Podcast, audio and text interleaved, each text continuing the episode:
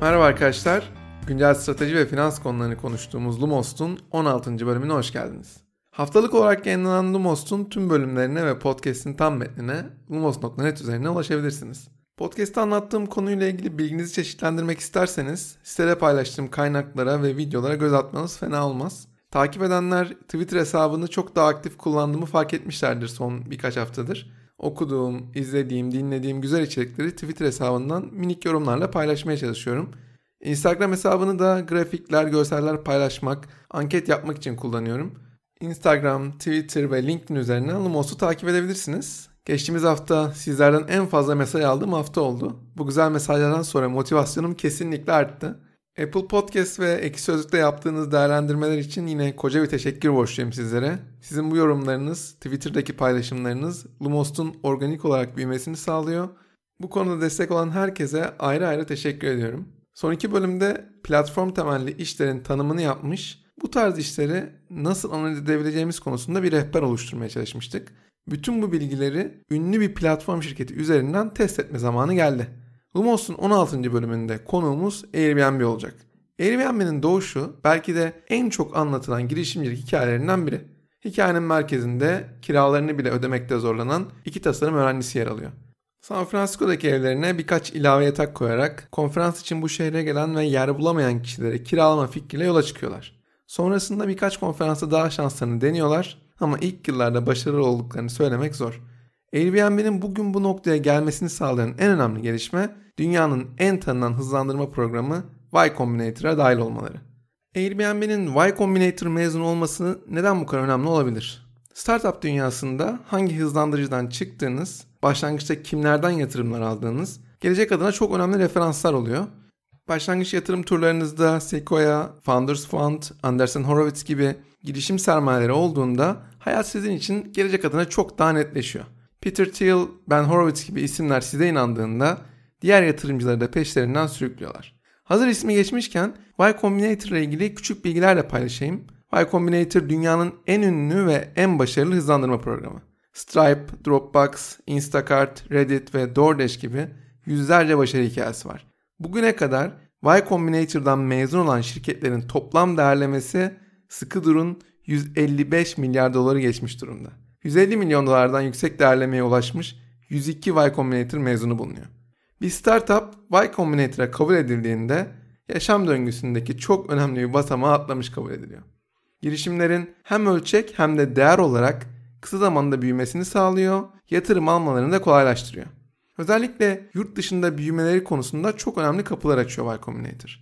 Tüm bunların yanında sağladığı belki de en önemli avantaj daha önce Y Combinator'dan mezun olmuş başarılı startuplarla sizi buluşturuyor olması. Örneğin ürününüzün Instacart'ın ya da DoorDash'in işine yarama potansiyeli var. Y Combinator hemen sizi onlarla tanıştırıp onların müşteriniz olmasını sağlıyor. Bu da ürün geliştirme aşamasında size çok büyük bir esneklik kazandırıyor. Tüm bu avantajlara sahip olmak tabii ki pek kolay değil. Y Combinator'a kabul edilme oranları sadece %1,5. Şimdi tekrar Airbnb'nin hikayesine dönelim. Airbnb de aynı Uber gibi çeşitli zamanlarda belediyelerle, devletlerle problemler yaşamış bir şirket. Ama yıllar içinde bunların üstesinden gelmeyi başardı. 2020 yılının başına döndüğümüzde her şey Airbnb için mükemmel görünüyordu. Dünya genelinde 100 binden fazla şehirde, 200'den fazla ülkede faaliyet gösteriyorlardı. Şirket o kadar hızlı büyümüştü ki dünya çapında platformda listelenen yer sayısı 7 milyon üzerine çıkmıştı. Kurulduğundan beri 750 milyondan fazla misafir ağırlamışlardı. Gecelik ortalama konaklayan kişi sayısı da 2 milyonu geçmişti. Sadece 2020'nin Ocak ayında bile Airbnb'nin web sitesi 50 milyondan fazla ziyaret edilmişti. En büyük rakibi VRBO'nun aynı dönemdeki ziyaretçi sayısı 15 milyon bile değildi. Sahip olduğu oda veya rezervasyon yaptığı gece sayısına göre konaklama endüstrisindeki açık ara en büyük şirket haline gelmişti. Herhangi bir otel zincirinin bu kadar büyük bir ölçekle rekabet edebilme şansı hiç yoktu. Şirketin ikinci marketlerdeki değerlemesi ise 50 milyar doların üzerine çıkmıştı. Ellerinde hisse opsiyonu olan çalışanlar için 2020 yılının sonlarında opsiyon tarihleri de olacaktı. Yani şirket o tarihe kadar halka açılmazsa çalışanların elinde bulunan hisse opsiyonlarının değerleri sıfırlanacaktı. 2020 yılına kadar çalışanların defalarca halka arz talebi oldu Airbnb yönetiminden ama yönetim bunu duymazdan gelmişti. Ama artık halka arzı daha fazla ertelemelerine gerek yoktu. Yıllardır herkesin beklediği halka arz için bundan daha iyi bir zamanlama olamazdı. İşte tam bunlar yaşanırken hayat bir anda tersine döndü. Seyahat endüstrisindeki birçok şirket gibi koronavirüs salgınından çok ağır bir darbe aldı Airbnb. Şubat ayının ortalarından itibaren virüsün etkilerini rezervasyon sayılarında görmeye başlamışlardı. Mart ayı ile birlikte tam bir çakılma yaşandı. Koronavirüs krizi şirkete o kadar büyük bir darbe vurdu ki bugün şirketin bu krizden sağ çıkıp çıkamayacağı bile tartışılır hale geldi. Geçtiğimiz yıl 4.8 milyar dolar gibi bir gelir elde etmişti Airbnb. En iyi senaryoda bu yıl bunun yarısına bile ulaşması başarı olarak kabul ediyor. Dünyanın en büyük konaklama hizmeti veren şirket olmanıza rağmen kira gideriniz yok, geleneksel bir otelin sahip olduğu personel gideriniz yok. Sadece alıcı ile satıcıyı bir araya getiriyorsunuz ve bunun üzerinden komisyon alıyorsunuz. Kağıt üzerinde mükemmel görünen bir iş modeli. İşte bu iş modeli nasıl oluyor da bu süreçten bu kadar büyük bir darbe alıyor? Hayat normale döndüğünde Airbnb tekrar o 2020 yılının başındaki kadar güçlü olabilir mi? Airbnb için olası çözüm yolları neler olabilir? Lumos'un 16. bölümünde tüm bu sorulara cevaplar bulmaya çalışacağız. Airbnb'nin temel iş modeli kalacak yer arayanlarla bu alanı onlarla paylaşmak isteyen kişileri bir online platform üzerinde bir araya getirmek olarak tanımlanabilir. Şirketin iş modeli öylesine başarılı ki müşterilerin ön ödemelerinden gelen nakitle şirket büyümesini kolaylıkla finanse edebiliyor.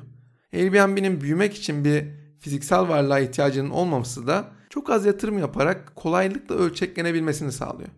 Konaklanan yerlerinin bakımının ve düzeninin sağlanması mekan sahibine ait olduğu için Airbnb'nin operasyon maliyetleri de çok düşük. Müşteriler tarafından baktığımızda da Airbnb normal otellere göre %30'a varan düşük fiyatlar sağlıyor ve kişiselleştirilmiş çözümleri var. Bu onları oldukça mutlu ediyor aslında. Ev sahipleri açısından baktığımızda da Airbnb yepyeni bir iş alanı oluşturmuş durumda. Ev sahipleri açısından Airbnb o kadar karlı ki her geçen gün daha fazla ev sahibi platforma katılıyordu. Airbnb'nin özünde paylaşımı mümkün kılan bir toplumu teşvik ettiğini biliyoruz zaten. Müşterilerin gittikleri yerlerde sanki bir turist gibi değil de orada yıllardır yaşayan insanlarmış gibi hissetmelerini sağlıyor. Benzer insanların birbirleriyle bağ kurmasına aracılık ediyor.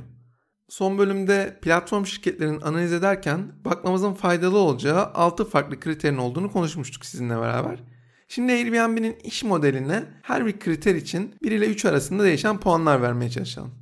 İlk olarak network etkisi ve tedarikçi gücünü birleştirerek başlayalım. Bu iki kriteri beraber şekilde düşünmek gerekiyor çünkü tedarikçilerin gücüyle network etkisi arasındaki ilişki şirketlerin yaptığı işteki dominasyonunu belirliyor demiştik. Facebook gibi sadece kullanıcıları ikna etmesi gereken doğrudan network etkisinden yararlanan platformların işleri görece daha kolaydı. Facebook açısından baktığımızda içerik üretenlerin hepsi aynı değerde yani içerik sağlayıcıların gücü yok denecek kadar az. Eksenin diğer tarafında ise Microsoft vardı. Birden fazla tarafı ikna etmesi gerekiyordu ve dolaylı network etkisine sahip demiştik. Bu tarafta tedarikçilerin gücü yüksek olmalı ki daha fazla değer ortaya çıkabilsin. Bu iki kombinasyon da oldukça değerli. Yani doğrudan network etkiniz varsa tedarikçileriniz güçsüz olmalı. Dolaylı network etkiniz varsa da tedarikçileriniz güçlü olmalı. Bu açıdan Airbnb'ye baktığımızda dolaylı network etkisine sahip tedarikçileri de ne Uber kadar güçsüz ne de Microsoft kadar güçlü. Buna göre toplam 6 puan üzerinden 4 verebiliriz gibi görünüyor Airbnb'ye. Platformların analizinde 3. nokta da rekabet avantajlarına sahip olup olmadığıydı. Aynı konuda rekabet eden birden fazla platform olduğunda kullanıcıları platforma katılmaya ikna etmek de zorlaşıyor. Airbnb daha önce saydığımız rekabet avantajlarını düşünerek bu kategoriden kolaylıkla 3 puan alıyor. Platformları analiz ederken dördüncü kritik noktamızda platformun sahip olduğu ağın yapısı demiştik. Birbirinden izole, birçok farklı kümeden oluşan networklerin gücü tahmin edildiği kadar yüksek değildi. Bu konuda da Uber örnek göstermiştik. Ne kadar büyük bir network'e sahip olursanız olun, bu network birbirinden izole birçok alt network'ten oluşuyorsa network avantajınızı koruyamıyordunuz. Airbnb'ye baktığımızda küresel bir network görüyoruz. Dünyanın büyük bir bölümünde var olan tek bir kümeye benziyor. Airbnb bu kategoriden de 3 puanı kolaylıkla alıyor. Platformları analiz ederken 5. kritik noktamızda kullanıcıların platforma ne kadar bağlı olduklarıydı. Alıcı ile satıcı arasında bir kez başarılı işlem yapıldıktan sonra taraflar bundan sonra platformu kullanmaya devam edecekler mi? Platform taraflar arasındaki güven ortamını yaratmak zorunda demiştik burada. Bağlılıkla ilgili bir diğer nokta da kullanıcıların rakip platforma geçişleri. Birden fazla platformda yer alma durumu, rakip platformlara dahil olma maliyetinin düşük olduğu alanlarda sıkça görülüyor. Uber'in en büyük problemlerinden biri hem sürücüler hem de yolcular için uygulama değiştirme maliyetinin olmamasıydı. Airbnb'nin kullanıcılar tarafından çok sevilen bir platform olmasını ve kullanıcıların güvenini çok iyi sağladığını düşünerek bu kategoriden de 3 puan verebiliriz. Platformların analizi sırasında son kriterimiz de platformun geleneksel sistemleriyle uyumluluğuydu. Kullanıcılar yeni platforma geçmek için ne kadar az zaman ve para harcarsa ikna etmek de o kadar kolaylaşıyordu. İnsanların alıştığı otel deneyimine farklı bir bakış açısı getirmesiyle Airbnb buradan da 2 puan verebiliriz. Yani Airbnb toplam 18 puan üzerinden 15 puan alarak oldukça güçlü bir platform iş modeli olduğunu gösteriyor bizlere. Ama ne kadar güçlü bir iş modeline sahip olursanız olun hiç tahmin etmediğiniz bir noktadan darbe yiyebiliyorsunuz. İşte koronavirüs krizi de Airbnb için böyle bir darbe. Airbnb bugünlerde kendi tarihinin en büyük krizini yaşıyor. Şimdi gelin Airbnb'nin yaşadığı bu krizin bir röntgenini çekmeye çalışalım. Şirketin bu krizi şu ana kadar nasıl yönettiği bence büyük bir tartışma konusu. Airbnb'nin CEO'su Brian Chesky'nin samimi açıklamaları büyük bir çevre tarafından takdir topladı. Üzerine çok fazla düşünülmeden alınan bazı kararlar da Airbnb yönetimini eleştirilerin merkezine koydu. Şubat ayından itibaren şirketin en çok karşılaştığı problem rezervasyon iptalleri. Tüm dünyada seyahatlerin durduğu bir ortamda kullanıcılar haklı olarak rezervasyonlarını iptal etmek istiyorlar. Rezervasyon iptalleriyle ilgili kararlar bundan önce hep ev sahibindeydi. Ev sahibi başlangıçta daha fazla ücret alarak kullanıcılara ücretsiz iptal opsiyonu sunabiliyordu. İstisnai problemler hariç tüm senaryolarda Airbnb konaklama ücretini ev sahibine yatırıyordu. Ancak şirket Mart ortasında ev sahiplerine hiç sormadan doğrudan rezervasyonları iptal etti. Kullanıcıların cezası olarak rezervasyonlarını iptal etmeleri ilk başta oldukça normal görünüyor. Ama bu şirketin hem nakit akışına hem de ev sahipleriyle ilişkisine büyük bir zarar verdi. Daha sonra hatasını anlayıp ev sahiplerinin zararlarını karşılamak adına bir fon da oluşturdu Airbnb yaklaşık 250 milyon dolarlık. Ama bu fon toplam iptal eden rezervasyon ücretinin %12,5'unu ev sahiplerine yatırabiliyor ancak. Bu noktada rakibi VRBO'nun iptal kararını ev sahiplerine bırakması da çok önemli bir detay. Burada bir başka problem de rezervasyonların iptal durumunda nakit olarak geri ödeme yapılacağının açıklanması. Böyle bir açıklama yapıp kullanıcılardan iptal nedeniyle ilgili ayrıntılı sebepler istemek kullanıcıların da Airbnb ile ilişkisine zarar verdi. İletişime nakit olarak geri ödeme yapıp sonra seyahat kredisi olarak ödeme yapmaya çalışmak kullanıcıları çok kızdırmış gibi. Airbnb bu kararları alırken kullanıcılarla gelecekteki ilişkisinin zarar görmemesini istiyordu muhtemelen. Geldiğimiz noktada durumdan memnun olmayan kullanıcıların yazdıklarına baktığımda durum ilk planlandığı gibi gitmemiş görünüyor. Bu iptal kararlarının bir başka yansıması işletme sermayesinin erimesi yönünde oldu. Ödemelerin bir kısmı seyahat kredisi olarak yapılmasına rağmen bir anda 500 milyon doların üzerinde bir nakit ödemek zorunda kaldı Airbnb. Tabi kullanıcılar tarafından finanse edilen bir şirket böyle büyük bir nakit ödeyince çok büyük bir zarar aldı. Bunun doğal sonucu acil nakit arayışı yönünde oldu. 2017 yılında seri F yatırım turunda şirketin değerlemesi 31 milyar dolarlara kadar çıkmıştı. Korona krizi sonrası şirketin yaşadığı nakit problemini çözebilmek adına önce Silver Lake ve Sixth Street Partners Private Equity firmalarından toplam 1 milyar dolar kredi aldı. Alınan bu borç Libor artı %10 gibi çok yüksek bir faiz oranına sahip. Burada şirketin kendi hisselerini 18 milyar dolar gibi şirket değeri üzerinden teminat göstermesi çok önemli bir detay bence. Şirketin ne kadar zor durumda olduğunu değerlemenin 18 milyar dolara kadar gerilemiş olmasını anlayabiliyoruz. Airbnb bunun hemen ardından 1 milyar dolarlık yeni bir finansman daha yarattı. Aralarında Fidelity ve BlackRock'ın da olduğu 20'den fazla yatırımcı bu kez Libor artı %7,5 faizle Airbnb'ye kredi verdiler. Peki Airbnb yarattığı bu 2 milyar dolarlık yeni kaynakla uzun bir süre ayakta kalabilir mi? Business Insider'a göre Airbnb her çeyrek için yaklaşık 1.3 milyar dolarlık bir gidere sahip. Oluşturulan bu 2 milyar dolarlık kaynak sadece kısa bir süreliğine şirketi ayakta tutabilir gibi. Airbnb bu yeni sermayeye rağmen 2021 yılına minimum hasarla ulaşmak için daha fazlasını yapmak zorundaydı ve yaptı da. Maliyeti kontrol altına almak için attığı adımlara şimdi tek tek bir bakalım. Şirketin ilk hamlesi pazarlama harcamalarını durdurmak oldu. 2020 yılında yaklaşık 800 milyon dolarlık bir pazarlama harcaması yapmayı planlıyordu Airbnb. Kriz zamanlarında şirketlerin pazarlama bütçelerini azaltmaları çok sık gördüğümüz bir durum. O yüzden alınan bu karar kimseyi şaşırtmadı. Airbnb'nin ikinci hamlesi de işten çıkarmalar yönünde oldu. Şirket bir süre dirense de normalleşme periyodunun tahmin edilenden uzun olacak olması sebebiyle işten çıkarma aksiyonları almak zorundaydı. Airbnb 1900 çalışanını yani toplam iş gücünün yaklaşık %25'ini işten çıkardı. İşten çıkarmaların şirkete yıllık 400 ila 500 milyon dolar civarı bir tasarruf sağlaması bekleniyor. Hangi ülkeden kaç çalışanın işten çıktığı net olarak belli değil ama ana işi dışında sürdürdüğü moonshot projelerini yürüten ekiplerdeki çalışanlar tamamen işten çıkarılmış görünüyor.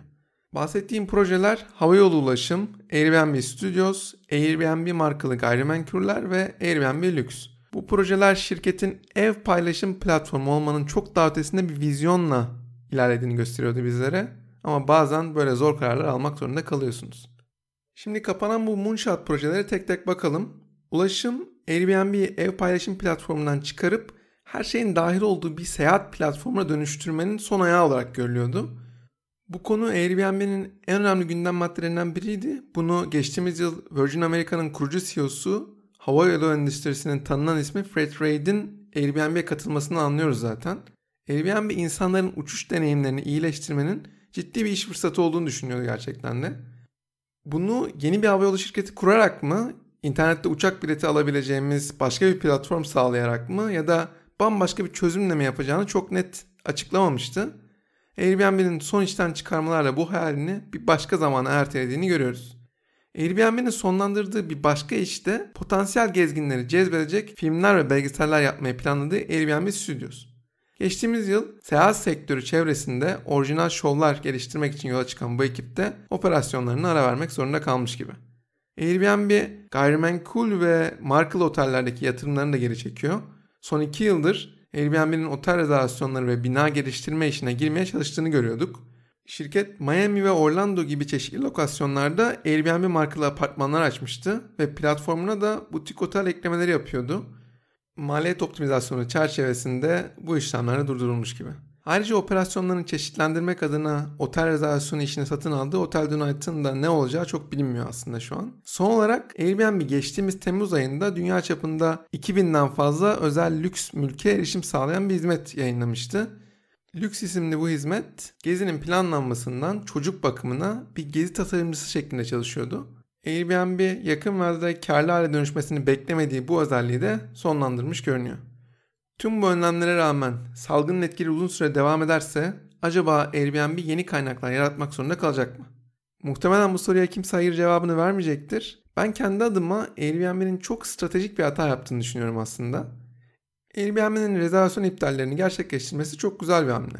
Ama ücretsiz iptal seçeneği olmayan kullanıcılar için nakit ödeme yapacağını açıklamak oldukça büyük bir hata. Bunun yerine kullanıcılara gelecekte kullanabilecekleri seyahat çeki tanımlasaydı bence hiç problem olmayacaktı. Kullanıcılara prosedürel olarak zorluklar yaşatmak yerine bu süreci kolaylaştırması uzun vadede çok daha faydalı olabilirdi bence. Elindeki nakitle de ev sahiplerine en azından %50'lik bir ödeme yapabilirdi. Böylece herkesin fedakarlık yaptığı bir senaryo oluşur bu süreci çok daha rahat yönetebilirdi bence. Peki hayat normalleştiğinde Airbnb Podcast'in ilk bölümünde anlattığım o 2020 yılının başındaki haline dönebilir mi? Ben 2022 yılına kadar bunun gerçekleşmesini beklemiyorum açıkçası. Bunun çok temel bir sebebi var. Ne yazık ki Airbnb ev sahiplerinin güvenini kaybetti. Birçok Airbnb ev sahibi artık evlerini VRBO, HomeAway, Zillow, Apartments.com gibi web sitelerinde de listeliyor.